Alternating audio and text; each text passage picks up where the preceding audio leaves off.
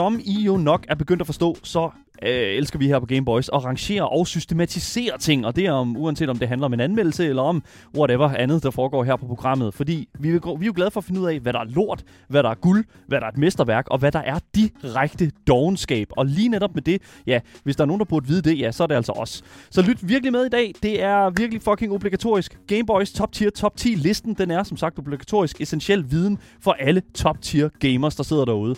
Og når vi taler om top tier gamers, så kan jeg lige så godt sige det som det er. Mit navn er Daniel Mølhøj, og ved siden af mig, der har jeg min fantastiske medvært, Asger Bukke. Velkommen til. Også top tier gamer her. Også top tier gamer, også klassificeret og certificeret top tier gamer. Ja, Lige præcis. jeg har det på papir. Du har det på papir? Mm-hmm. God damn, det er jo det mere end hvad nogen andre har, tror jeg. Ja. God damn. Men hvis du sidder derude og også har papir på det, ja, så kan du altså skrive det ind til os øh, på nummer 92 45 99 45. Og I kan også skrive det til os i vores live chats på Twitch, YouTube og i 24-7-appen.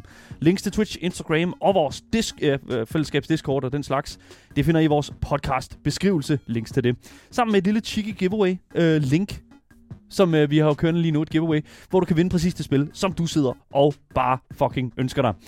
Du lytter til Gameboys, Danmarks absolut eneste gaming-relateret radioprogram, der hvor drømmen bliver til virkelighed. Velkommen til. Lad os komme i gang med dagens top 10.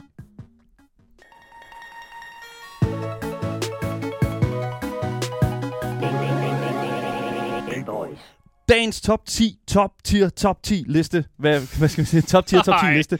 Ja, der skal, vi skal jo selvfølgelig tale om 10 spil i dag, som, øh, hvad hedder det nu, øh, er af en vis kaliber, skal vi sige det på den måde. Fordi Mm. dagens øh, top 10 liste, den handler altså øh, om spil, som på den ene eller på den anden måde fik fremmanet en lille tårer i vores øjenkrog. Mm. Og det kan være, det kan være en tårer, det kan være, ja, det kan være et vandfald, det er whatever, Hvor- det er den ene eller den anden vej. Et hulk, ja. lige præcis. For os, der hører det hele under kategorien top quality gaming indhold, skal vi ikke sige det på den måde? Ja. Ja, så husk, hvis, jeg kan sige, øh, jeg kan sige, det behøver ikke at være en tårer, øh, som kommer af sådan en sørgelig oplevelse og den slags. Det er jo mange, der forbinder sådan en tårer med, at det er noget sørgeligt. Mm. Det kan altså også være fordi, at det er noget simpelthen helt fantastisk, simpelthen fucking fedt. Øh, noget, som Smuk simpelthen, fortalt historie. lige og præcis. noget, ja. Noget, som simpelthen bare øh, fik øh, tårkanalen simpelthen til at være fuldstændig ukontrollerbar. Mm. simpelthen ikke kon- kontrollere det. Så det er altså det, top 10 den handler om i dag. Og øh, jeg bliver også nødt til at lige komme med sådan en god public service spoiler warning.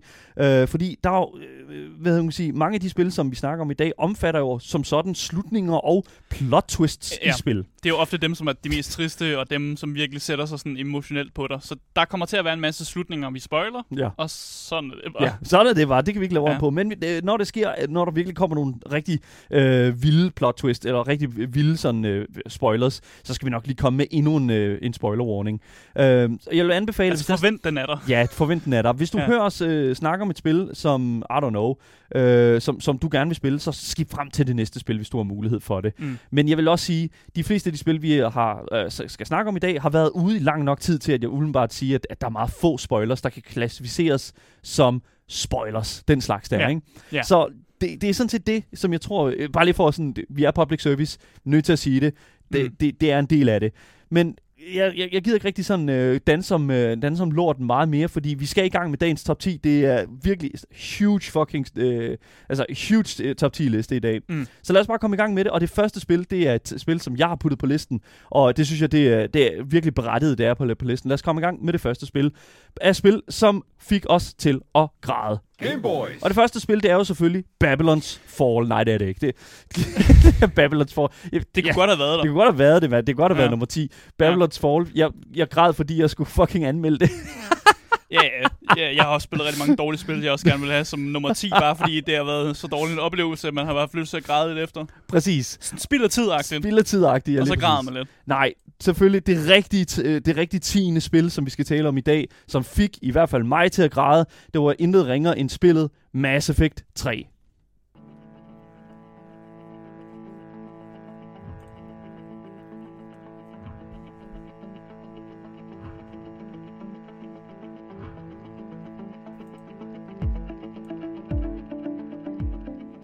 Alright, så er der jo nok nogen derude, der sidder og tænker, hold nu kæft, mand. Altså, Mass Effect 3, Mm det sluttede jo helt forfærdeligt. Hvordan kan man græde over det?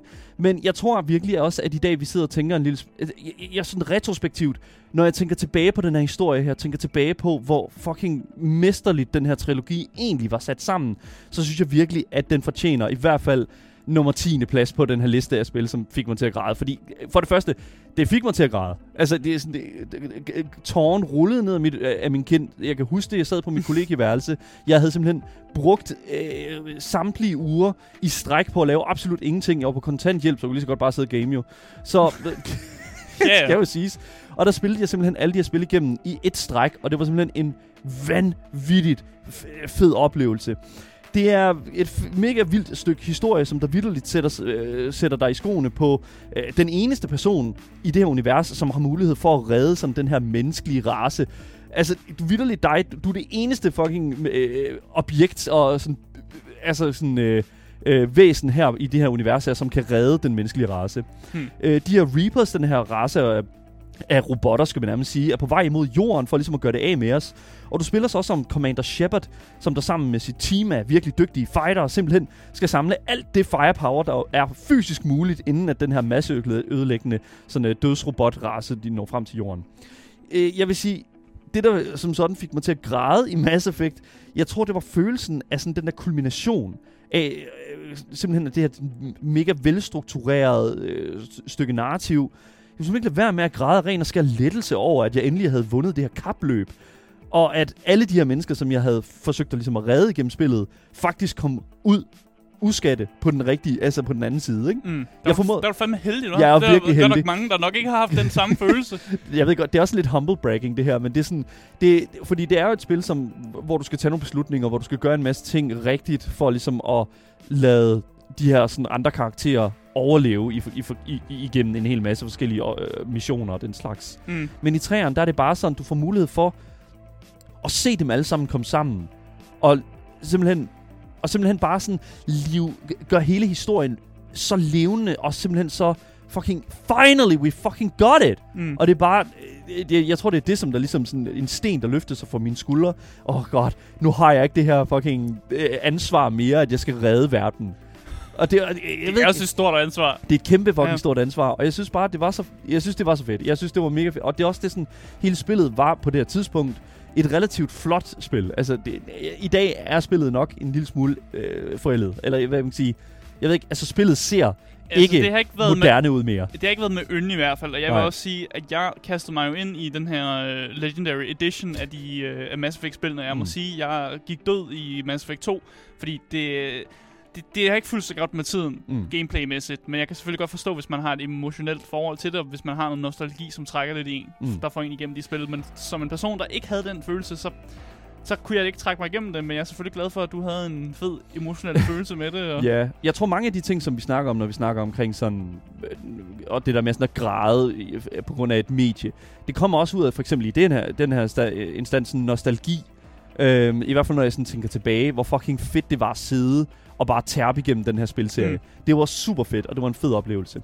Så det er altså derfor, at Mass Effect 3 ligger som nummer 10 på vores liste af spil, som har fået os til at tude som små teenagepiger og drenge. Ja, det næste på listen, det er altså nummer 9. Øh, og nummer 9, det er spillet Firewatch.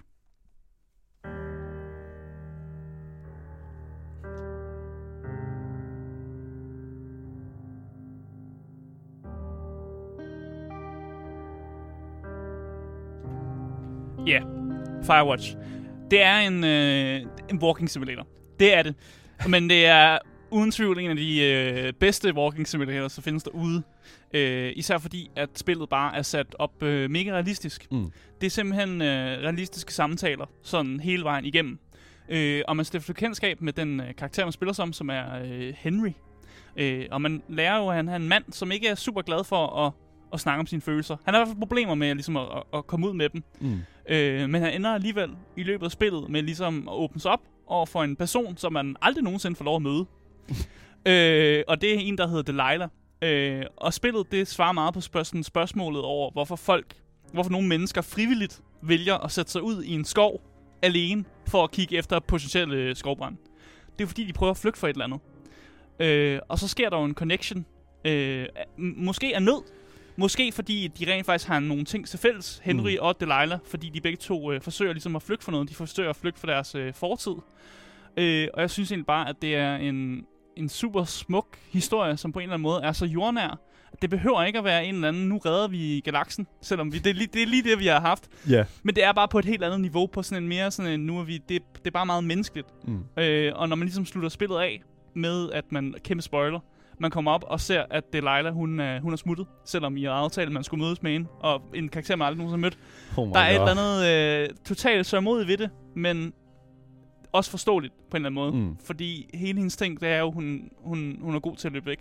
Og så giver det jo mening, at hun så også løber væk til sidst i, øh, i spillet, Ja. og at Henry så sådan bliver tilbage, og så har man jo muligheden for at, at vælge også til allersidst, der er to sådan endings, man kan vælge, om man har lyst til at blive i skoven, eller man kan også tage, tage hjem igen, fordi nu har man fået det, man fik ud af det, netop at man har, man har fundet sig selv ude i Ja. den her skov, og de her skovbrænde, de her fortællinger, der er herude. Men en ting, som jeg, som jeg personligt synes også taler rigtig godt for øh, Firewatches placering her, altså pl- plads nummer 8, altså, eller undskyld, nummer 9, det Mm. er jo, at, at jeg synes også, at som du siger, vi starter i, op, i sådan det, op i universet med Mass Effect og den slags der, og så kommer vi lige skridtet videre med, at okay, fair enough, det er det faktisk en rimelig, sådan, hvad kan man sige, isoleret livssituation, Ja. som, som er baseret i realisme, som er baseret på virkelige mennesker og, og deres følelser. Ja, ja, altså det, Henrys historie er virkelig trist. Så vidt jeg husker den i hvert fald, så er noget med, at hans kone har fået øh, sådan, ikke amnesia, men hun har fået sådan, hun er ved at få demens. demens. Hun er Ja. ved at få demens, så hun har simpelthen altså glemt, hvem han er.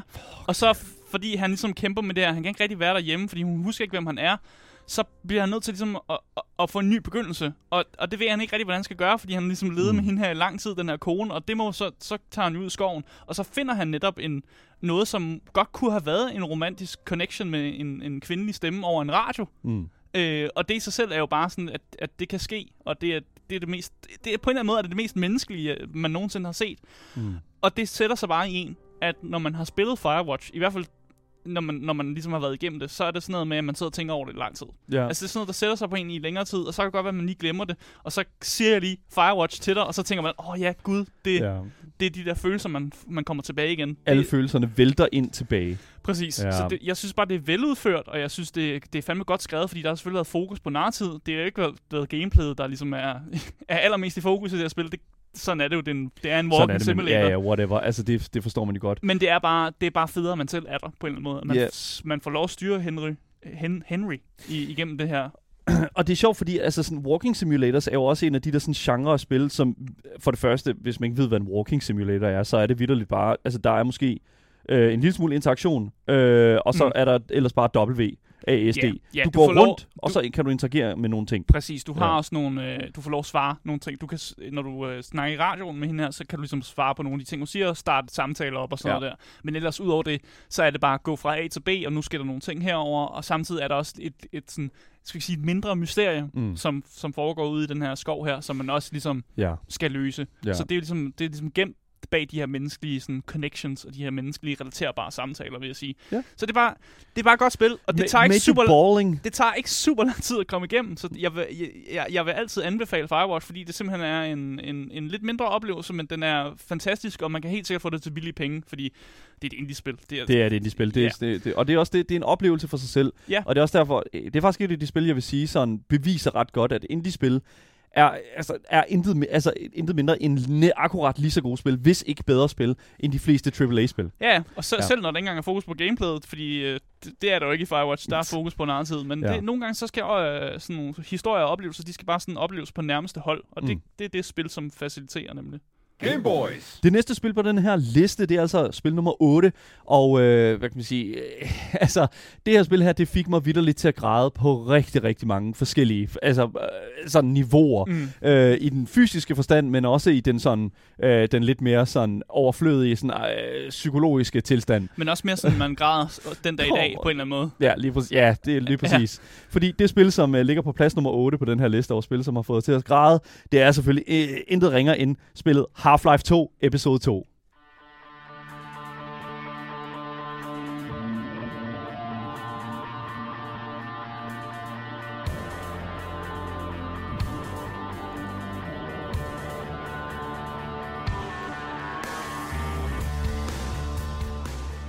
Så Half-Life hele den serie jo, altså sådan det, The Legendary. Altså, The Legendary fucking first person shooter game, som altså revolutionerede alle former for uh, sådan first person narrativer, hvis du spørger mig.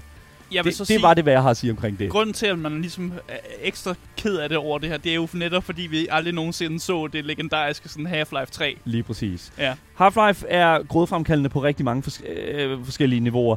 Men for mig, så skete det mere specifikt i slutningen af den sidste episode, hvor vi langt om længe lukkede den her fucking portal, hvor alle de her øh, combines, den er sådan en alien øh, soldat race, simpelthen strømmede ud fra. Men midt i den her fejring af, at ah, yes, vi har fået lukket portalen, så braser der en af de her kæmpe store flyvende pølse-aliens ind af vin- et vindue. Så griber det fat i øh, din øh, gode ven, Eli Vance, øh, som, og vidderligt bare hiver ham op og suger rygmavsvæsken direkte ud af nakken på den stakkels mand. Mm. Det er rigtig ærgerligt. Ja. Øh, Rigtig trist. rigtig fucking trist. Og øh, du ligger nede på jorden sammen med Alex Vance, som er Eli Vances datter, som også øh, ser alt det her. Som også er med på eventyret Og- langt hen ad vejen, ja. Lige præcis. Og det er jo fuldstændig vanvittigt at blive sådan, øh, være vidne til sådan noget. Altså, det er jo så kriminelt og et eller andet sted at, at se, sit, øh, se sin far eller et andet familiemedlem øh, blive nærmest øh, sådan henrettet på den her måde her. Ja. Sådan direkte foran en. Men ved- det, der er nærmest er endnu mere ondskabsfuldt, det er, at Valve, som står bag det her spil her, efterlader os alle i den her sådan blurry uvidshed om, øh, okay, hvad skete der så bagefter? Det er jo en cliffhanger jo, ja, det er en cliffhanger, men for en cliffhanger, hvor vi bliver ved med at hænge på klippen i flere årtier. vi har hængt på klippen i fucking 20 år, føles det i hvert fald som om. Og nu sidder vi her og græder, fordi vi hverken har fået, altså, fået kontekst for, hvorfor fanden det er, det skulle ske, øh, men også øh, sådan, altså, hvad der kommer til at ske i fucking fremtiden. Øh, jeg ved det ikke. Vi har ikke fået forløsning. Vi har ikke fået forløsning, og det er også, altså selvfølgelig er situationen fucking sørgelig, men en lille opløsende faktor, det er øh, til hele den her situation, det er jo, at ved at spille Half-Life Alex, i det mindste gav os en lille smule kontekst til den her situation, og faktisk mm. gav os en lille smule mere sådan, øh, hvad kan man sige, hvad der sker bagefter. Men for mig var det simpelthen bare ikke nok til øh, ligesom at fjerne mine tårfyldte øjne. Øh, tår, altså, det er ikke fjerne mine tårfyldte mine øjne, det, det er ikke så godt. Men at fjerne tårerne fra mine øjne. Ja. ja. Ja. Så fucking Valve sad. har ikke været ude ved, øh, med servietter, servietterne til det, vores tår. Og der er simpelthen, ja. og der er så fucking underskud på servietscoren fra Valve side af. I kan fucking godt, altså jeg har modtaget mit Steam Deck, men I må fandme ned, men øh, godt også, altså I kunne godt have sendt nogle servietter med den forsending der. Mm. Det kunne I sætte ned med godt. Jeg ved, I har pengene, Valve. I, øh, vi fortjener ikke at blive holdt øh, altså udenfor i mørket på den her måde her. Ja. Come on, dude. Ja. What the fuck? Ja, det var forfærdeligt, og øh, det er også derfor, at, hvad hedder det nu, øh, Har- Half-Life 2, episode 2, ligger som plads nummer 8 her på listen over spil, som har fået os til at græde langt ud på natten. Game Boys. Det næste spil på listen, det er nummer 7. Øh, og det er et spil, som øh, går igen på mange af vores lister. Det gør det. Det er nemlig spillet Undertale.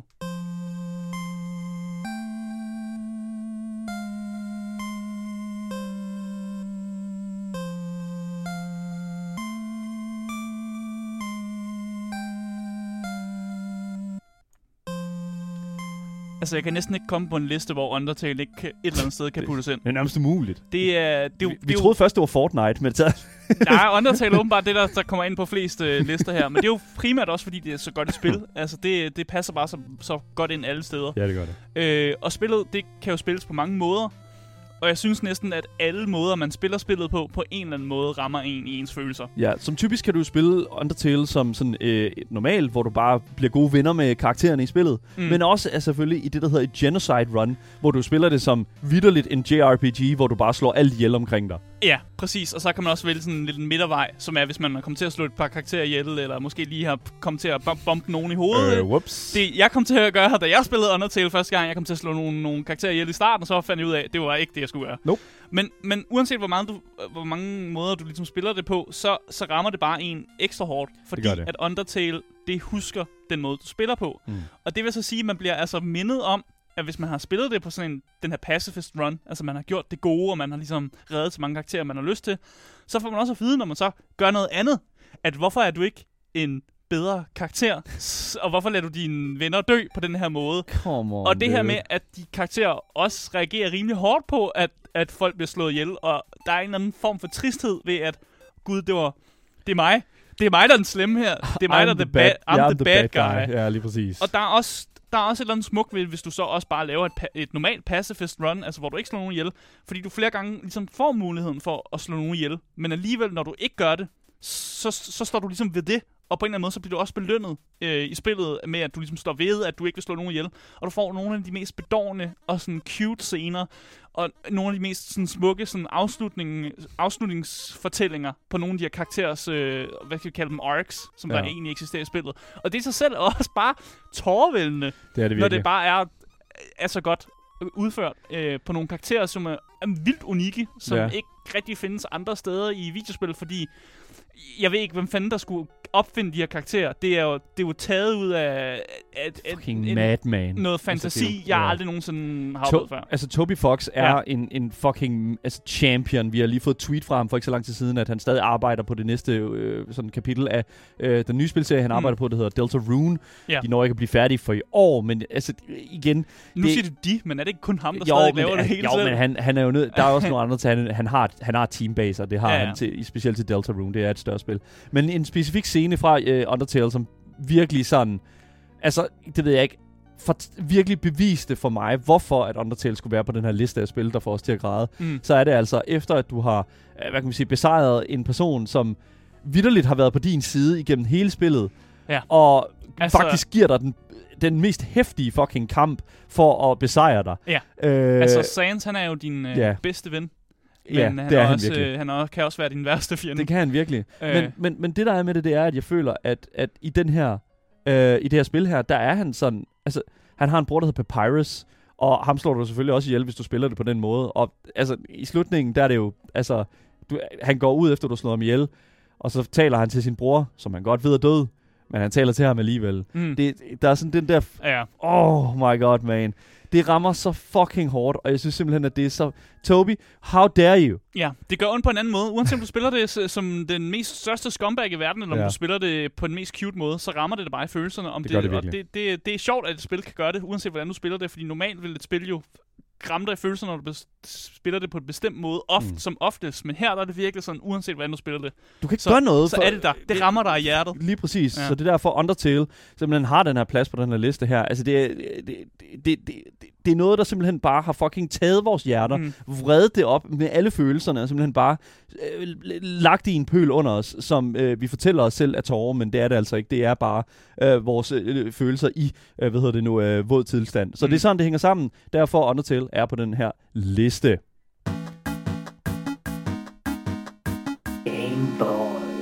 Hvis du sidder derude og føler, at du misser noget, ja, så kan jeg altså fortælle dig, at du kan finde dagens program som podcast, hvis du bare søger på det gyldne navn, Gameboys. Husk, at du også skal give os din mening om det, vi taler om her på programmet, så længe at du bare skal skrive til os på nummer 92 45 99 45, og selvfølgelig også til at skrive til os i vores live chats på Twitch, YouTube og i 24-7-appen. Og links til Twitch, Instagram og vores Discord, ja, det finder du i vores podcastbeskrivelse. Så der er ikke mere, mere at sige, end at, øh, hvad hedder det nu, øh, vi har selvfølgelig en fuld øh, top 10 liste, som ligger og venter på et podcastformat, så øh, don't worry about it. Ja, så, ja, jeg tror ikke, der er mere at sige andet end, øh, Nej. mit navn det er Daniel Mølhøj, og med mig i studiet, der har jeg min fantastiske medvært, Asger Bukke. Yes, yes. Ja, og hvis I skulle være i tvivl derude, så skal jeg altså fortælle jer, at I lytter til Game Boys. Og Game Boys, det er lyd for top tier gamers.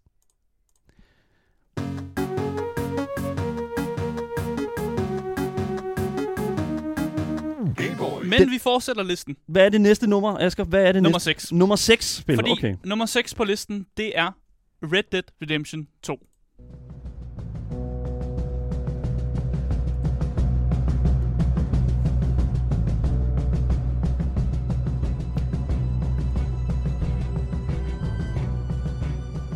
Altså, gode cowboy-historier.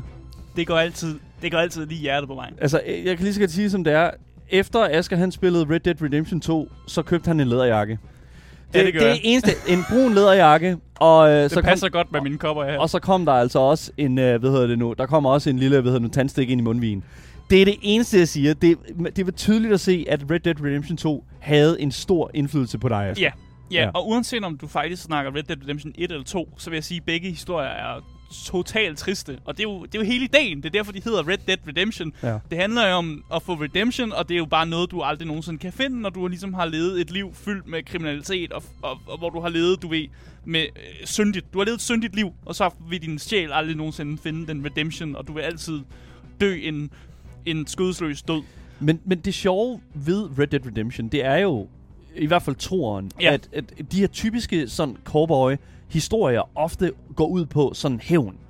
Det Ja. er jo sådan tit det, som der ligesom er omdrejningspunktet for de her øh, film og andre sådan, øh, hvad hedder det nu, øh, sådan den medier, som omhandler den her sådan, øh, setting her. Ja, men ofte så er det hævn med det, med det, det formål, at du gerne vil ligesom prøve at gøre op Mm. for de dårlige ting, der ligesom er sket i dit liv. Så det er Ja. en, en berettiget hævn på en eller anden måde, og jeg ved godt, det lyder helt fucked at sige, hvordan kan hævn være berettiget? Men i Red Dead Redemption, så får de det virkelig til at være sådan et, det, det giver faktisk mening, hvorfor du netop vil have de her mennesker til livs. Øh, fordi de har, de, de, har, de har været forkert. De har gjort dig, der er virkelig They've made, livet. did you wrong. Men Asger, Præcis. hvad er det helt præcis ved Red Dead Redemption, øh, som, som får dig til at, sådan, at direkte fælde en tårer?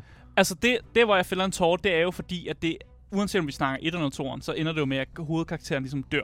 Mm. Og jeg vil næsten faktisk påstå, jeg vil, jeg vil gerne tage mig den lidt mere sådan, øh, den, den, den, den mere kaotiske måde at sige, jeg synes faktisk, 1'eren næsten er mere trist, end 2'eren er. Og det er fordi, jeg synes, 1'eren har mere en chokfaktor bag sig. Øh, at i 1'eren, der slutter det ud, jeg ved ikke, om det er en spoiler, nu, nu må folk du... Spoiler warning! Ja, ja, der er, Øh, kommer, jeg snakker om slutningen af begge spillene ja. Det første spil, der slutter ud med, at du ligesom faktisk kommer ud af den her lade som John Marston, og du tænker, du har fucking, fucking chance for at skyde de her mennesker. Du kommer Ja. i den der sidste red, øh, sådan Dead Eye ting, hvor du kan nå at skyde en masse mennesker, Mm. men du ender alligevel med at blive overmandet. Og på en eller anden måde har det en eller anden chokfaktor med, at du ikke du har ikke været, du er ikke uovervindelig, som du har været i hele spillet, men du ender til sidst med at dø, og så er det din, din søn, du får lov at spille til, som lige skal lave den sidste sådan hævnaktion for dig. Og på en eller anden måde er det også på en eller anden måde, fordi at sønnen jo er øh, uden synd. Ja. Totalt uden synd, og det er ham, der får ligesom lavet, lov til at lave den sidste sådan hævnaktion. Og det er på en eller anden måde, synes jeg var næsten er smukkere end i... Øh, og så igen, Red Dead Redemption 2. Også kæmpe spoiler for dem, der ikke har spillet det. Der slutter du jo også af med, at Arthur Morgan dør. Men han dør jo i, i at redde øh, John Marston. Og det, man så spiller, efter man har spillet som Arthur Morgan, som er død, det er, at man får lov at spille John Marston, der ligesom og bygger hans farm. Ja, og man har ja. bare sådan en hel sekvens, hvor man bare er sådan et, I'm just a farmhand, og man I'm prøver bare at bygge sin farm, og man, det er bare totalt wholesome på en eller anden måde. Men det der med, at man ligesom, man, man offrer sit eget liv for ligesom at prøve at redde nogle andre sjæl. Mm. Og så er det bare totalt full circle, at det så ender med, at, at John Marston, som man så spiller i etteren, jo også ender med at skulle gå i den der full circle igennem. Mm. Og jeg synes bare, det, det er smukt. Og, øh, og man havde godt nok set den komme i toeren, fordi man får konstateret tuberculosis. Tuberculosis! Og det er en dødelig sygdom, og der kan man ikke gøre så meget mod dengang. Øh, der, de Nej. havde ikke penicillin. og hvis man ikke har penicillin, så kan man altså ikke øh, gøre så meget mod tuberkulose. Men en ting, som jeg også synes virkelig taler for, sådan, i hvert fald, øh, hvad hedder det nu, John, øh, øh, øh, øh, Arthur Morgan? Arthur Morgans, øh, Ja. sådan, I toeren. sige, i toren, hans historie, det er, altså, det er virkelig det der med sådan, hvorfor bliver vi ved med at kæmpe? Og fordi at, altså, vi finder ud af, at tuberkulose, det, ja, det er kraftet med ikke en, øh, hvad hedder det nu, øh, det er fandme ikke nogen fest. Nej, det er ikke en sjov sygdom, men Nej. alligevel så fortsætter Arthur ligesom med at leve sit liv, og han, efter han ligesom får konstateret tuberkulose, så det er der, hvor hans, hans liv jo så vender sig, og han beslutter sig for at faktisk at være et bedre menneske, og prøve at- gøre, gøre tilværelsen bedre for så mange omkring sig, som han nu kan. Ja. Ja. Altså dem, han føler er værdige nok til det, for der er fandme nogle røvhuller, der ikke fortjener det. Ja, ja. Og så er det bare, det, det er bare så trist, når han så endelig sådan ligger sig til at dø, og man ser øh, det sidste sådan frame, man ser, hvor sol, der kommer sådan en solopgang op, og man ser bare Arthur Morgan, han kigger på den der solnedgang, og, solopgang, og han er bare sådan, han har accepteret det. Han har accepteret, at nu dør han, og han har gjort, han har gjort det, han kunne. Han har gjort det, han kunne. What a beautiful sunset. Og så alligevel... Dies from tuberculosis. Ja, ja, ja, ja. Og, og, og alligevel, altså, det, det er en naturlig død. Godt, godt, der har lige været noget slåskamp inden det og sådan noget der, men det er stadig på en eller anden måde sådan smukt, og man er på en eller anden måde sådan, you, you fucking did it, Arthur. You, you did what you could. You did what Du you gjorde, could, hvad man. du kunne. Du gjorde, hvad du kunne, og jeg fandme, man er stolt.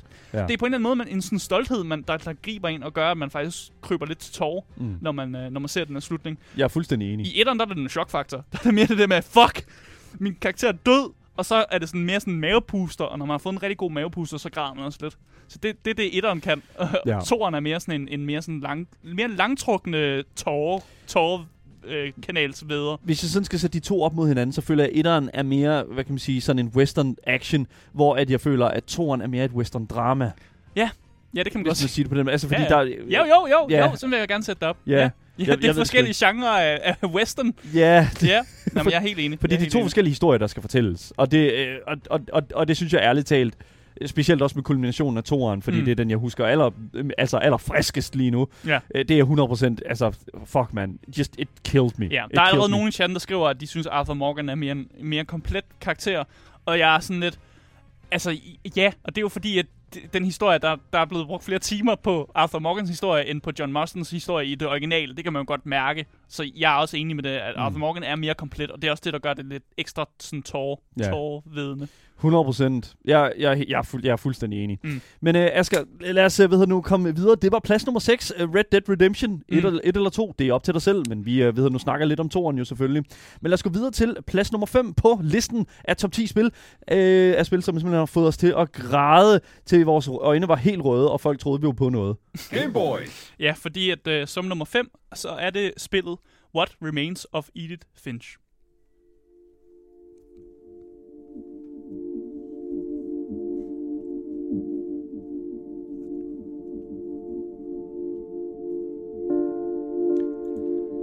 Så What Remains of Edith Finch. Det her spil er jo en øh, innovativ og kreativ måde at, ligesom, at fortælle en, en hel sådan, generations historie på. Øh, og man får ligesom lov at opleve en, øh, en hel families forbandelse, og nu siger jeg forbandelse i gåsetegn, Ja. på allernærmeste hold. Øh, via, nemlig via gameplay faktisk, som ændrer både sådan, det ændrer sig stilistisk igennem hele spillet, men også nogle gange mekanisk. Altså det er andre gameplay-sekvenser, du skal igennem, for ligesom at spille de her forskellige dødsfald, som eksisterer i den her familie. Det er klart et mere sådan artistic, øh, sådan, øh, ah, jeg ved ikke, ikke artistic, men altså sådan, det er mere sådan et, et kunstnerisk take på en, altså sådan, fordi jeg vil ikke sige, at det er en walking simulator. Der er mange, der sådan klassificerer Nej, det Edith. Finch Det det som en walking Nej, simulator. det er det ikke, fordi du spiller, det er forskellige gameplay, du Ja. går igennem, når du spiller alle de her forskellige dødsting, og det er ikke, det er ikke en walking simulator på samme måde, som Firewatch er. Nej. Ja, er der elementer af det, hvor du render rundt det her hus, og du samler memo- memorabilias og sådan journals og sådan ting? Ja, selvfølgelig er det det. Ja. Men når du spiller de her øh, dødsscener, som jo er det, som jeg egentlig fremhæver her, Ja. så er det en, øh, en oplevelse for sig selv. Øh, og de er både, mange af de her dødsfald er jo både symboliske, og virker næsten som, faktisk som en del af en større fortælling. Altså den hele fortælling om den, de her generationer af mennesker, der eksisterede i den her familie. Og de er tragiske, de her dødsfald, Mm. men de bliver også fremført på en måde, hvor, hvor det føles som om, der ikke, var, der er ikke så mange andre muligheder. Det er som om mange af de her personligheder, der er for de her mennesker, at det var ligesom, det var dømt til, at de skulle dø på den her måde. Ja. Og så opstår der jo et enormt sådan, filosofisk sådan, spørgsmål også, at hvis du undgår familiens forbandelse, så tager den dig alligevel. Ja. Så øh, hvad gør du? Fordi mange af de børn, som dør i, den her, i de her historier, der bliver det næsten fremført som sådan magisk og lejende. Og det virker jo mega absurd, at det, at, at, at det næsten er lejende, når de sådan, der er en fortælling om et spædbarn, der er et år, der drukner i badekarret. Men hele den fortælling er sådan en, hvor spædbarnet bliver til sådan en lille frø, og får lov at svømme rundt, og det, det er helt sådan magisk. Og, og, og, og det er barn, som også øh, kommer til at hoppe ud over en klippe, øh, da de gynger på gyngen, får det til at fremstå som om, at barnet øh, endelig lærte at flyve, fordi barnet havde sådan en, en, en drøm om at blive astronaut, og ville gerne flyve og sådan nogle ting der. Og det bliver bare fremført sådan øh, totalt absurd og smukt, samtidig med, når de voksne dør i den her, så er det bare fucking trist. Der er en historie om en, øh, en mand, som netop ser sin søster blive dræbt, og så beslutter han for at låse sig ind i en bunker i 30 år. Ja. Og, og når han så har været der i 30 år, så beslutter han for, nu skal jeg fandme ud. Ej, nu kan der ikke være, nu kan der ikke være nogen curse mere. Nu, kan, nu er vi ikke forbandet mere. Det Og kan muligt være rigtigt. Så ender han med at gå op ad bunkeren og ud på togskinnerne og blive kørt over et tog. så det er det der med, selv når du undgår forbandelsen, så kommer den og tager dig. Så, så der vil jeg, jeg vil også gerne lægge den over på, dag, på dig, Daniel, og være sådan, at, hvad fanden gør man så? Hvis, vil du leve dit liv til det fulde, og så måske dø en tidlig død, død, men du dør måske med en følelse af, at du faktisk gør noget, du godt kan lide? Eller vil du hellere låse dig ind i en bunker, og, og så dø, sådan, øh, hvor du alligevel har mistet meget af dit liv, fordi du bare har siddet i en bunker? Så Altså, hvad, hvad ja. gør man? Altså, jeg er ked at sige det, men hvis, der er Om, sådan, om forbandelsen er rigtig eller ej, det er jo lige meget. hvis du er jo 100% sikker på, at ja, yeah, it's gonna take me at some point, så er jeg ked at sige det, men så er det bare sådan lidt sådan, fuck, let's just get it over with. Fordi jeg, jeg kommer ikke til at fucking gå holde ud og sidde nede i en fucking bunker i 30 år. Det kommer ikke til at kunne lade sig gøre. Mm. Øh, Der bliver spurgt også i vores Twitch-chat, øh, har bunkeren fibernet? Det ændrede selvfølgelig en lille smule på sagen. Jeg tror ikke, Walter havde fibernet, nej. Han havde ikke fibernet, Nej, men det er jo så ikke sådan med, at jeg ikke har fibernet. Og det Så- værste er jo, familien, de fucking bor i huset, hvor Walter han er låst inde, uden at, uden at de får at vide, at han sidder dernede. Walter, Ja, de får bare at vide, der, der sidder bare, der er en mand, der er, han, han har boet her i 30 år, men de aner ikke, at han har boet dernede, før at det, han nu end, altså, han endelig kommer ud, og han bliver kørt ned af tog. Ja, jeg ved det ikke. Jeg, Det er trist, og jeg elsker den måde, de her historier bliver fremført på, og man bliver sådan, når, når det hele er færdigt, så altså, det er tragisk historie, men det er på sådan en måde perfekt fremført, så man kniber sådan en tårer, men det er alligevel sådan en tårer, der kommer med en vis sådan lidt, det er fandme, det er fandme godt fortalt. Og det er derfor, at den, øh, jeg har den med, vi har den med på listen i dag, og det er Ja. også et spil, jeg synes, man skal opleve. Et spil, som også har vundet en hel masse priser, fordi hvor godt det er blevet fortalt. men, netop men, igennem, ja. altså på første hold. Det men, jo, men, det, men ja, jeg kan bare ikke forstå fordi Asger, hvorfor i alverden vil man spille et spil, som man ved kommer til at fucking man, this, is, this shit sad. Fordi det bliver, det bliver fortalt på en, en sjov måde. Det er godt. Altså, det er jo det Super. absurde ved døden. Det er, Cool. at det, det, det bliver ikke fortalt med, med sådan en tristhed. Nej, det bliver okay. fortalt mere med sådan en, åh, oh, det er lejende, og det er sådan lidt sjovt på en eller anden måde. Og det, det er jo fucked up at sige, men det, det er sådan, det, historien bliver fortalt. Det, det kan noget. Det kan noget, noget. Det giver ja. en et, et, et andet forhold til døden, som jeg tror måske godt kan være en lille smule sundt. Mm. For nogen i hvert fald. True. Så jeg tror bare, jeg vil lægge den der. Ja, cool nok. Det var altså plads nummer 5 på vores liste af spil, som får os til at græde. Jeg ved ikke, i hvor mange år efter spillet er kommet ud. Sådan er det jo. Mm. Men det betyder jo også, at vi skal videre til plads nummer Øh, øh, plads nummer Fire. 4. Ja, undskyld, ja, jeg. Ja. Kan ikke, jeg kan ikke tælle til mere end 4. Godt. Plads nummer 4. Game Boys. Ja, fordi plads nummer 4, det er Last of Us part 1.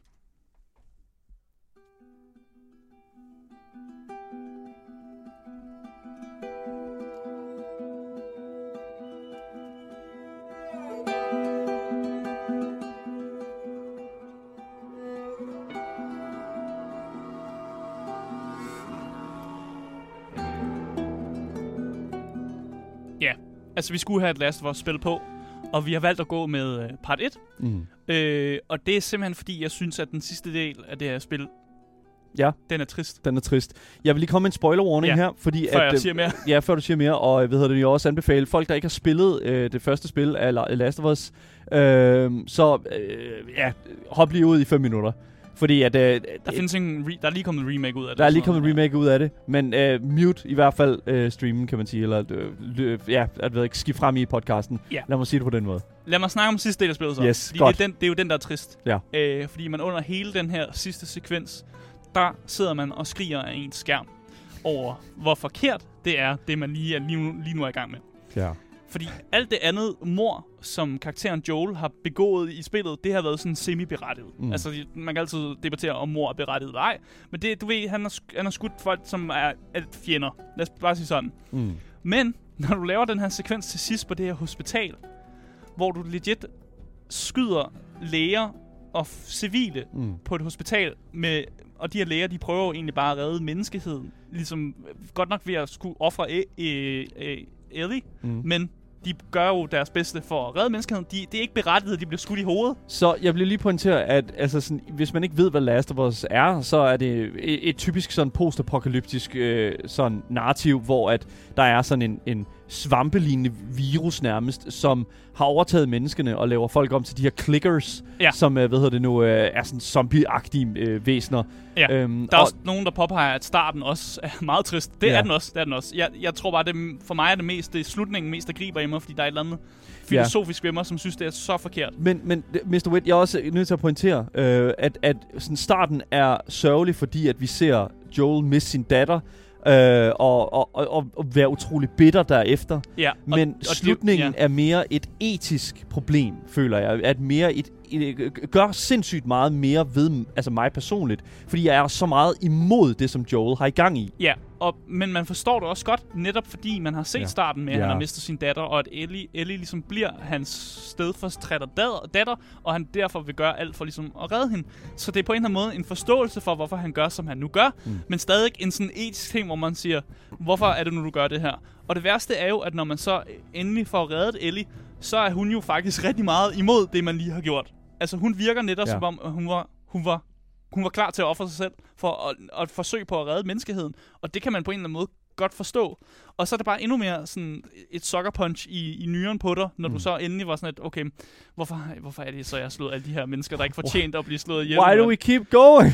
Stop! Ja, og det er, den her, det er den her interne konflikt på en eller anden måde, og den måde spillet så slutter på, Mm. sådan ret bræt bare sådan lidt slutter på, Ja. som egentlig gør, at man, man bliver sat i sådan en meget, meget trist stemning. Og det, jo, og det sjove er jo faktisk, at mange øh, sat, hvad hedder det nu, øh, Last of Us part 1 og part 2 sådan meget fra hinanden, hvor de sagde, at ah, part 1 var meget øh, be- bedre struktureret, meget bedre sat sammen. Men I'm sorry Der havde to ikke været en bare to, hvis ikke... Ja. Men den anden ting, det er også, at, hvad hedder det nu, altså, toren er 100%, øh, hvad kan man sige, toren er de konsekvenser af de handlinger, der sker i etteren jo. Og, med, og hvis det er sådan, man kigger på i forhold til netop det her, der sker med, at man styrer Joel, der er i gang med at gøre noget, der er helt forfærdeligt. Ej, men nu sidder vi også og kigger på gameplayet, hvor han skyder Ja. doktor med Med- burpil. Med burpil endda, what a fucking way to go. Okay, Ej. ja, det er virkelig fucking ærgerligt. Men det der er med det, det er jo, at... Stop, oh my god, gameplayet er ikke så godt. Men ja, hvad hedder det nu? Hvor er det forfærdeligt, det her. Ja, det er ikke så godt. Men jeg vil faktisk sige, at, hvad hedder det nu? Nu slukker vi på gameplayet. Men det, jeg vil sige, altså i toren, der spiller du også som Abby, der jo netop øh, gør på samme måde det her med sådan, at øh, eller sætter spilleren i samme sådan men, mentale state, Ja. hvor du skal øh, spille, fuck, jeg har ikke lyst til at spille som Abby. Why Ja. would I want to play, efter hun fucking lige har gjort det, hun lige har gjort? Ja, så det, det, er, det er ikke tit, man, man spiller spil, hvor man har gameplay sådan sektioner, hvor det, det er ting, man ikke har lyst til at spille, men som alligevel man er forståelig med, og som på en eller anden måde giver en, en meget sådan intern konflikt, Ja. som jo også sætter den her kæmpe tristhedsfølelse, Ja. som jo også gør, når man så endelig er færdig med det, så bowler man bare Ja. sine, sine øjne ud med, med tårer. Last of Us Part 1 er klart et spil, der sidder i en i virkelig lang tid, føler jeg. Ja. ja. Ja, ja, ja, ja helt enig. Der, der er ikke mere at sige end det. Der er ikke mere at sige end ja, det. Jeg synes, vi skal gå videre til det næste spil på vores liste af, hvad hedder det nu, øh, spil, som har fået os til at, til at græde. Øh, virkelig, altså sådan, sådan det der er sådan virkelig ugly crying. Sådan, ikke? Ja, det er sådan, det, det, det, this is the list, man. ja. Og det næste spil er 100% fucking the game that does that. Mm. Og lad os bare komme ind i det, fordi at øh, plads nummer tre på den her liste her, det er intet ringer end spillet Shadow of the Colossus.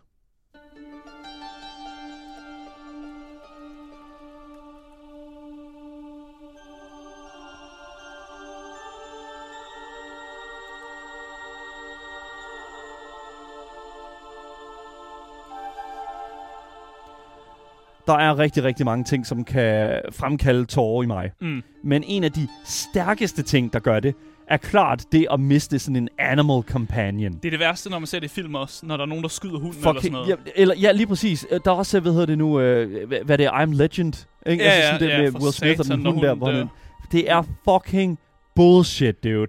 Ja. Ja. Og jeg vil sige, det er jo enten om det er en hund, som du siger, eller en fugl, eller whatever. I det her tilfælde, der er det jo selvfølgelig din bedste ven og din hest, Agro, som der igennem hele spillet fucking trofast kommer til din side, Mm. tygt og tyndt, uanset om du fucking er øh, 100 km væk fra den, eller om du der er en boss, der begynder fucking at trampe på dig, whatever. Ja, ja. Agro fucking er der. Agro, er der Agro ikke bange for store, store colossals? Agro har de bi- biggest balls in the fucking Ja, ja. øh, video game. Største hesteboller, der findes. Hesteboller, der findes. Ja, lige præcis. Ja. Agro var aldrig mere end et pift væk, og det synes jeg simpelthen bare var så fucking fedt. Men i Shadow of the Colossus, der synes Team Ico, altså dem, der står bag Shadow of the Colossus, at det var fucking nice at have en cool hest, øh, og så vidderligt øh, få dig til at, sådan at bonde med hesten igennem hele spillet. Og så bare fucking tage den fra dig lige pludselig Ja. i en super uheldig situation, hvor du rider på den her stenbro, og så begynder de at sådan platforme under agro og falde sådan fra hinanden i sådan, øh, under hesten. Og det er så fucking bullshit, fordi det der så sker, det er jo, at agro øh, i sidste sekund kaster dig, øh, hovedpersonen, øh, over fucking, øh, over sådan ryggen på sig, så du lander foran hesten, og så kigger du så selvfølgelig tilbage og ser agro falde til sin fucking død. Ja. Det er så motherfucking bullshit, dude. Fordi Akro er bare the biggest fucking G ever. Og nu kan man ikke komme, nu kan man ikke komme videre. Man, kan ikke komme, man har ikke en hest til at fragte sig længere. Det er Og fucking... det, det, det, det, det, normalt, der er ikke så mange levende væsener i den her, det her univers jo. Det er jo de her kolossus, så er det dig, og så er det din hest. præcis. Og når du så mister din hest, så er man lidt sådan, Nå, men så er det bare mig. det er så Og, fucking og bullshit. nogle gigantiske monster selvfølgelig. Akro var vidderligt med til nærmest alle de der sådan store boss fights. Uh, han var med til at, ligesom at fragte dig imellem de der sådan points of interests. Ja. Uh, altså sådan, han var ligesom med til at, at, at løse det her, den, de- den her gåde, der er Shadow of the Colossus. Ja. Og så skal du vidderligt bruge resten af spillet uden hesten ved din side. Ja. Team Ico er fucking sadistiske, og det er på grund af den her, det, det, ting som det her, jeg, fuck, jeg stoler ikke på spil mere. Eller stenbruger for den sags I skyld. kan tage min hovedkarakter, og I kan slå min hovedkarakter ihjel. But kill men my hvis I guy, slår dude. min hest ihjel, Jeg finder Wow. dig. Jeg finder dig, Wow. dude. Jeg gør det til en personlig fucking vendetta. Ja, du går John Wick på dem. Jeg går fucking John Wick, dude. En film, der legit også bare handler om en hævnaktion for at få slået en hund ihjel. Du skal ikke slå Ja. min hest ihjel. Jeg Nej. nægter simpelthen. Jeg, jeg gør det ikke. Det er fucking bullshit. Og jeg, jeg må ærligt indrømme, at det her det er et af, en af de gange, hvor jeg føler, at jeg har grædt. Altså sådan... Altså virkelig, altså, øh, som jeg sagde før, ugly crying. Ja. Fordi at det er bare sådan... Det er noget fucking... Og det sker Bullshit at se den hest falde. Det sker så pludselig. Der var, aldrig, der var ikke noget at lage op til det. Der er ikke nogen pre... Altså, der er ikke, altså, du kommer hen til den der bro der. Du Og du tænker bare, du tænker bare, ja, ja, den er, ja, fucking agro. Jeg Han er the biggest G. Ja, ja. Han kan bare hoppe over den. No way. Fucking god damn, dude. Og så kommer den bare sådan. Ja. Det tænkte vi lige, at de, din hest skulle dø. Udover det, så er Shadow of the Colossus et helt fantastisk spil, så det er bare, Ja, ja, bare man nødt til at sige det på den måde. Så Men, et af de spil, som er blevet lavet til alle flest platformer og sådan noget, det bliver øh, genudgivet konstant jo på Ja. nyere platformer. Og her der kigger vi på noget gameplay Oh, på PlayStation 4 ja, af Shadow of the Colossus. ja, virkelig. Et spil, der stadig, der stadig ikke holder den dag i dag, faktisk. Ja, det gør det virkelig. Og det er også det, jeg, jeg bliver sådan helt rørstrøms, kan jeg godt mærke. Ja, det er også fair Af, nok. af sådan at, at, se den der hest. Nu har vi set det et par gange, jeg tror lige, jeg stopper det, for jeg kan godt mærke, at det er sådan... Jeg skal ikke se den dø igen. Det, det, jeg skal ikke se det igen. Det var nok at se det my én God, gang. Dude. Ja, det var virkelig fucking forfærdeligt. Men, øh, men, men jeg, jeg, vil gerne, jeg, skal, jeg vil gerne videre. Fordi, Ja, lad os det, komme videre. fordi at, det, det kan godt være, at den her, den var slem. Øh, men den næste, den, jeg vil næsten våge at påstå, den er slemmere. Ej, hvad, jeg ved slet ikke. Altså, de, de, sidste- de sidste to her, jeg kan ikke fucking klare det. Ja, kom. Okay, Kom, lad, det skal, det skal nok gå. det skal nok gå. Okay. Det skal nok gå. Plads nummer to på top, vores top 10 liste af spil, som har fået os til at græde, som intet øh, andet menneske nogensinde har grædt før. Øh, det er, og jeg kan lige så godt sige, som det er. Det er selvfølgelig mit yndlingsspil. Det er selvfølgelig Life is Strange.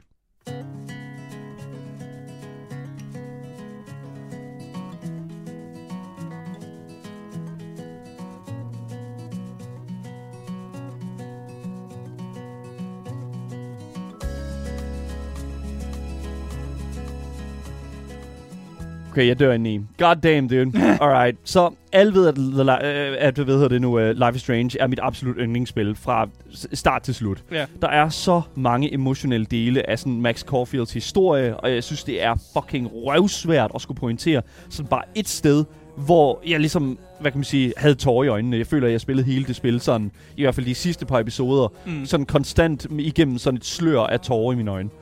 Det- det- det- Slutningen er selvfølgelig en ting, kan man sige. Uh, jeg skal nok lade være med at spoil for meget, men du står ligesom med valget om at skulle redde nogen, og så redde rigtig mange andre.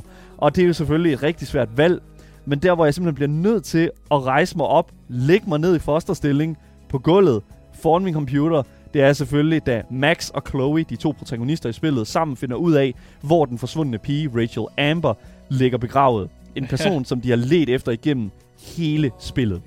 Og jeg er nødt til at sige det, det er simpelthen, det er heart-wrenching at høre, hvordan de her to piger her, de finder, øh, hvad hedder nu, Rachel. Altså fordi, at, og nu kommer der en spoiler her, det, det, i, hvis man gerne vil spille Life is Strange 1, og ikke har prøvet det før, så hvad hedder det nu, kommer der lige en spoiler warning her. Sluk igen, spol frem. Men lad mig sige det på den måde her. Så Rachel Amber, oh, ja. altså det der fucking er elendigt ved hele, al, hele den her situation her, Mm. det er jo, at hele spillet går ud på at finde Rachel Amber. Men det, er, Eller ja, det, altså, det gør det jo. Ja, Altså at finde, hvad kan man sige, finde ud af, hvad der er sket med hende, ikke? ja. Og når man så finder ud af det, hvor hun er henne, selvfølgelig død, så finder man ud af, at hun ligger begravet på en skrotplads, hvor man konstant har hængt ud i spillet. Du, Ja. har, du vidderligt kunne gå rundt oven på hendes krop op til flere gange i løbet af det her spil her. Og så finder man hende lige der. Det er en... Det er et enormt fucked up tillæg at gøre hele fucking opklaringen af mysteriet fucking 100 gange værre, dude. Ja. Jeg bliver nødt til at... Jeg bliver, I, I gotta fucking turn down the music og bare lige sådan spille den øh, hvad hedder det nu, scene, hvor det sker. Det, det, hedder det, det, lad os bare spille det, fordi øh, det, det kommer her.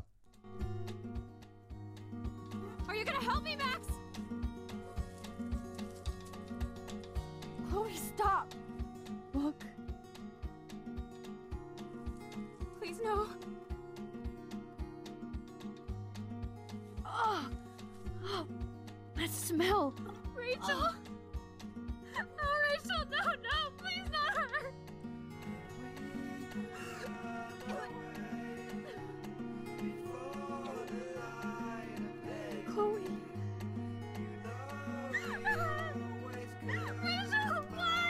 Jeg fucking dør. Satch.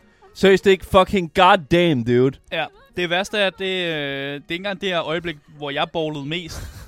Jeg, Jeg bowlede, øh, eller jeg, jeg græd, græd mest sådan re, næsten re-perspektivt, øh, da min kæreste spillede Life is Strange også for første gang. Ja. Øh, og der er en scene, hvor man, øh, man kan vælge at redde en, der hedder Kate. Ja. Øh, det var noget, det ikke lykkedes for mig, men det lykkedes hende at redde Kate. Ja. Og derfor græd jeg simpelthen bare, fordi jeg var bare sådan et, you fucking did it. You, Det- fuck, you fucking You, did it. yeah, you did it. Og det er og selvfølgelig... det gjorde mig bare så glad. Oh. Så det var mere sådan en glædestår over, at, at, at, at hun gjorde noget, som en, jo er en optional del af historien. Eller ikke option, det, det, er det er noget, der kan ske, og noget, der ikke kan ske i løbet af historien. Og jeg er Ja. så bare så glad for, at det skete for hendes gameplay. Ja, oh my så god. det er, det er ufatteligt, at et spil kan gøre det. Jeg bliver, jeg bliver oprigtigt berørt af at fucking at tale om det her lige nu. Jeg bliver, jeg, og det er derfor, at Last of Us, øh, ikke Last of Us, fucking Life is Strange, altid bare fucking vil være mit yndlingsspil. Fordi det er bare sådan, hver eneste, selvom der er gået 10 år, 20 år, fucking 30 år siden, jeg har spillet spillet, Mm. så ved jeg bare, at jeg kan komme til at, sådan, at genfinde den der sådan, følelse af, hvor forfærdeligt det må være at finde ud af, at ens bedste ven, eller ens næreste person, fucking ligger begravet et sted, hvor du bare har vandret rundt i hud. Det Men være også bare sådan et, fucking, det, at overveje. det er og også lidt bare sådan lidt en, lidt en ditch-agtigt på en eller anden Ja. måde. Det er bare for, på skrotpladsen det er på skrot, ja, lige præcis. Ja. Og det, er det, sådan, det, prøv at overveje sådan, at vi uh, lige flår gulvet op her, og så ligger det nu alle vores bedsteforældre bare under gulvet her, ikke? God Ja. damn, dude.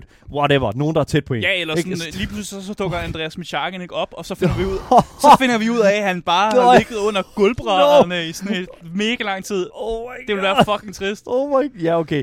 Det er fucking, det er Ja. fucking sad, Vi savner dig, Andreas. Vi savner Andreas. Please come, come back. Please come, Come back to us, man. Ja. Så det er altså plads nummer to. Life is Strange. Virkelig i min bog et af de fucking mest sad og, øh, tidspunkter i, i et videospil, og et, et mest sad spil, der nogensinde er blevet kreeret. Men det Men er jo ikke nummer et, Det er Asger. ikke nummer et. Det er jo ikke nummer et. Game Boys. Nej. Fordi nummer et, den, øh, den går simpelthen til øh, spillet øh, Telltales The Walking Dead.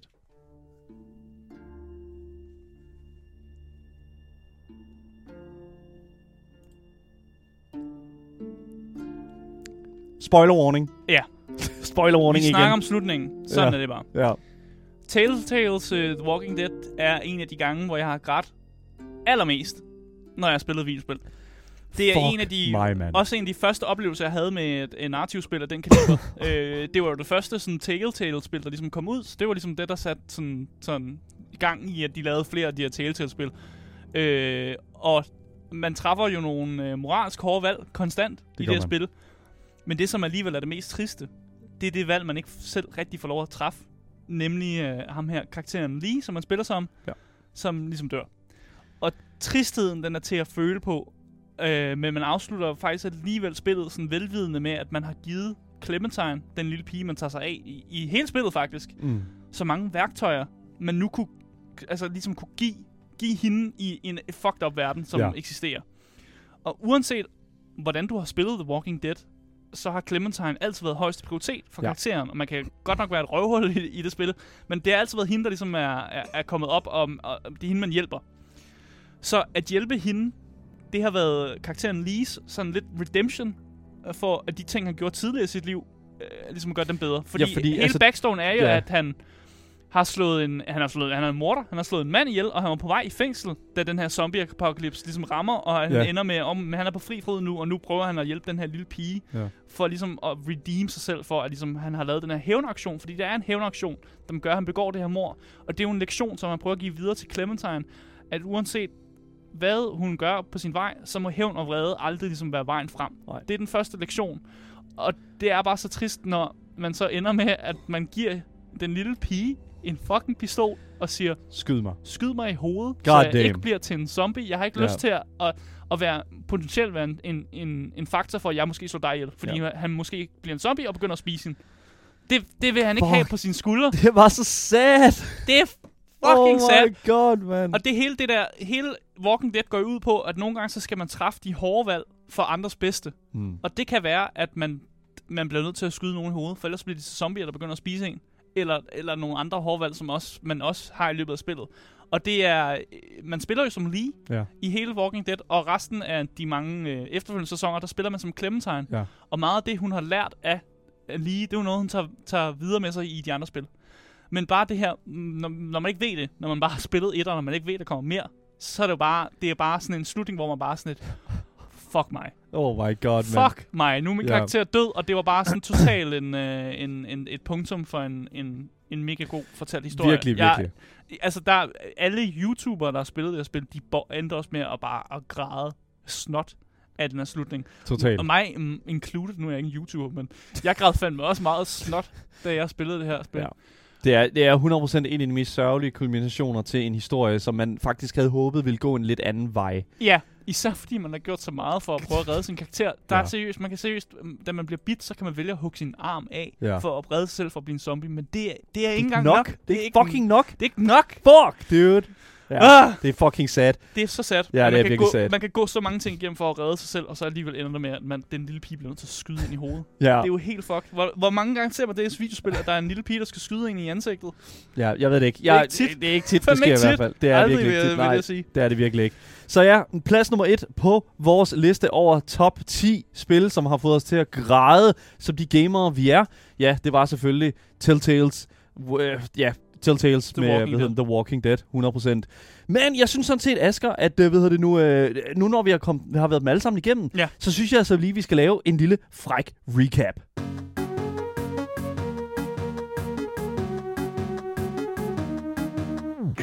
Fordi nummer 10 altså spil, som var det, hvad hedder det nu, det spil, der fik mig i hvert fald til at græde fucking meget, det var selvfølgelig Mass Effect. Kulminationen af den lange kamp for at redde den menneskelige race var mesterligt udført, så jeg kom helt til tårer.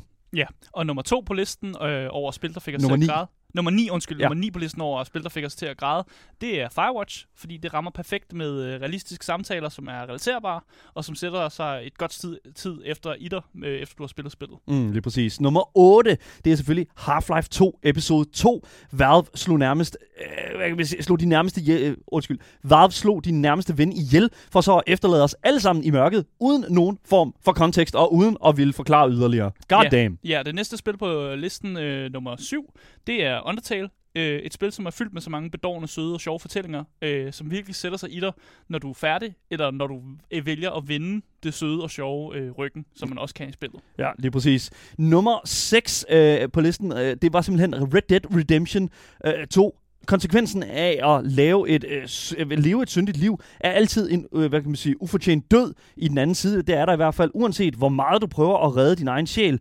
Det er fandme trist. Det er, Det er fandme trist. fucking sad. Det Ja. er fucking sad. Nummer 5 på listen, det er What Remains of Edith Finch. Øh, død og tragedie, fortalt på de mest abstrakt, absurde og abstrakte måder, gør dem øh, lettere spiselige, og det griber så også mere om hjertet, når de så også bliver fortalt på øh, nærmeste hold.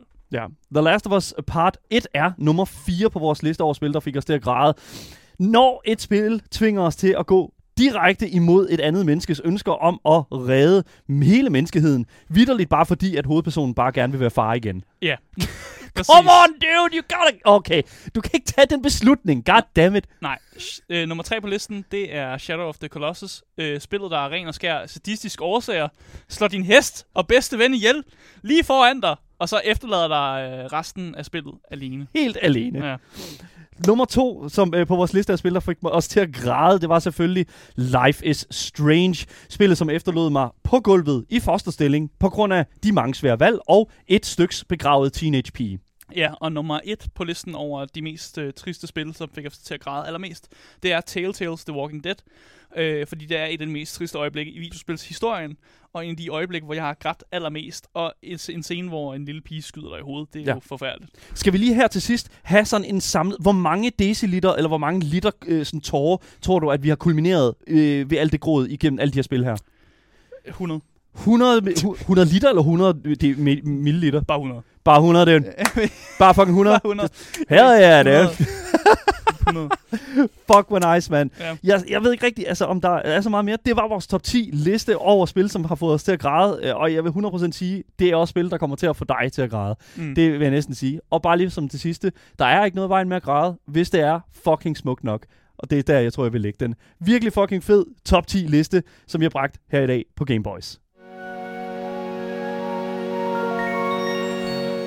Det var alt, hvad vi havde programmet for i dag. Hvis du sidder derude og føler, at øh, hvad hedder det nu, øh, du har misset noget, eller et eller andet af den slags der, så Mhm. husk at følge podcasten. Du kan altså gøre det både på øh, Apple Podcast eller på Spotify og alt den slags der. Og så giv os lige en femstjernet sådan rating på øh, enten Spotify eller whatever, Google Podcast. Mm. Mm. Hvor end du føler, du føler, at ja, det er her, jeg kan rate jer eller anmelde jer, whatever. Og jeg vil også sige, øh, hedder det nu, øh, hvis I følger podcasten, så misser I aldrig en nyhed, en anmeldelse eller et interview nogensinde igen. Hvis I vil kontakte med os, så kan I altså finde links til at gøre lige netop det i vores podcast beskrivelse, sammen med et link til vores giveaway, hvor du kan vinde præcis det spil, som du sidder og ønsker dig. Mit navn er Daniel Mølhøj, og med mig i studiet, der har jeg haft min fantastiske medvært, Asger Bukke. Yes, yes. Lige præcis. Vi er tilbage igen i morgen med meget mere gaming og meget mere Gameboys til jer top tier gamers. Vi ses alle sammen. Hej hej.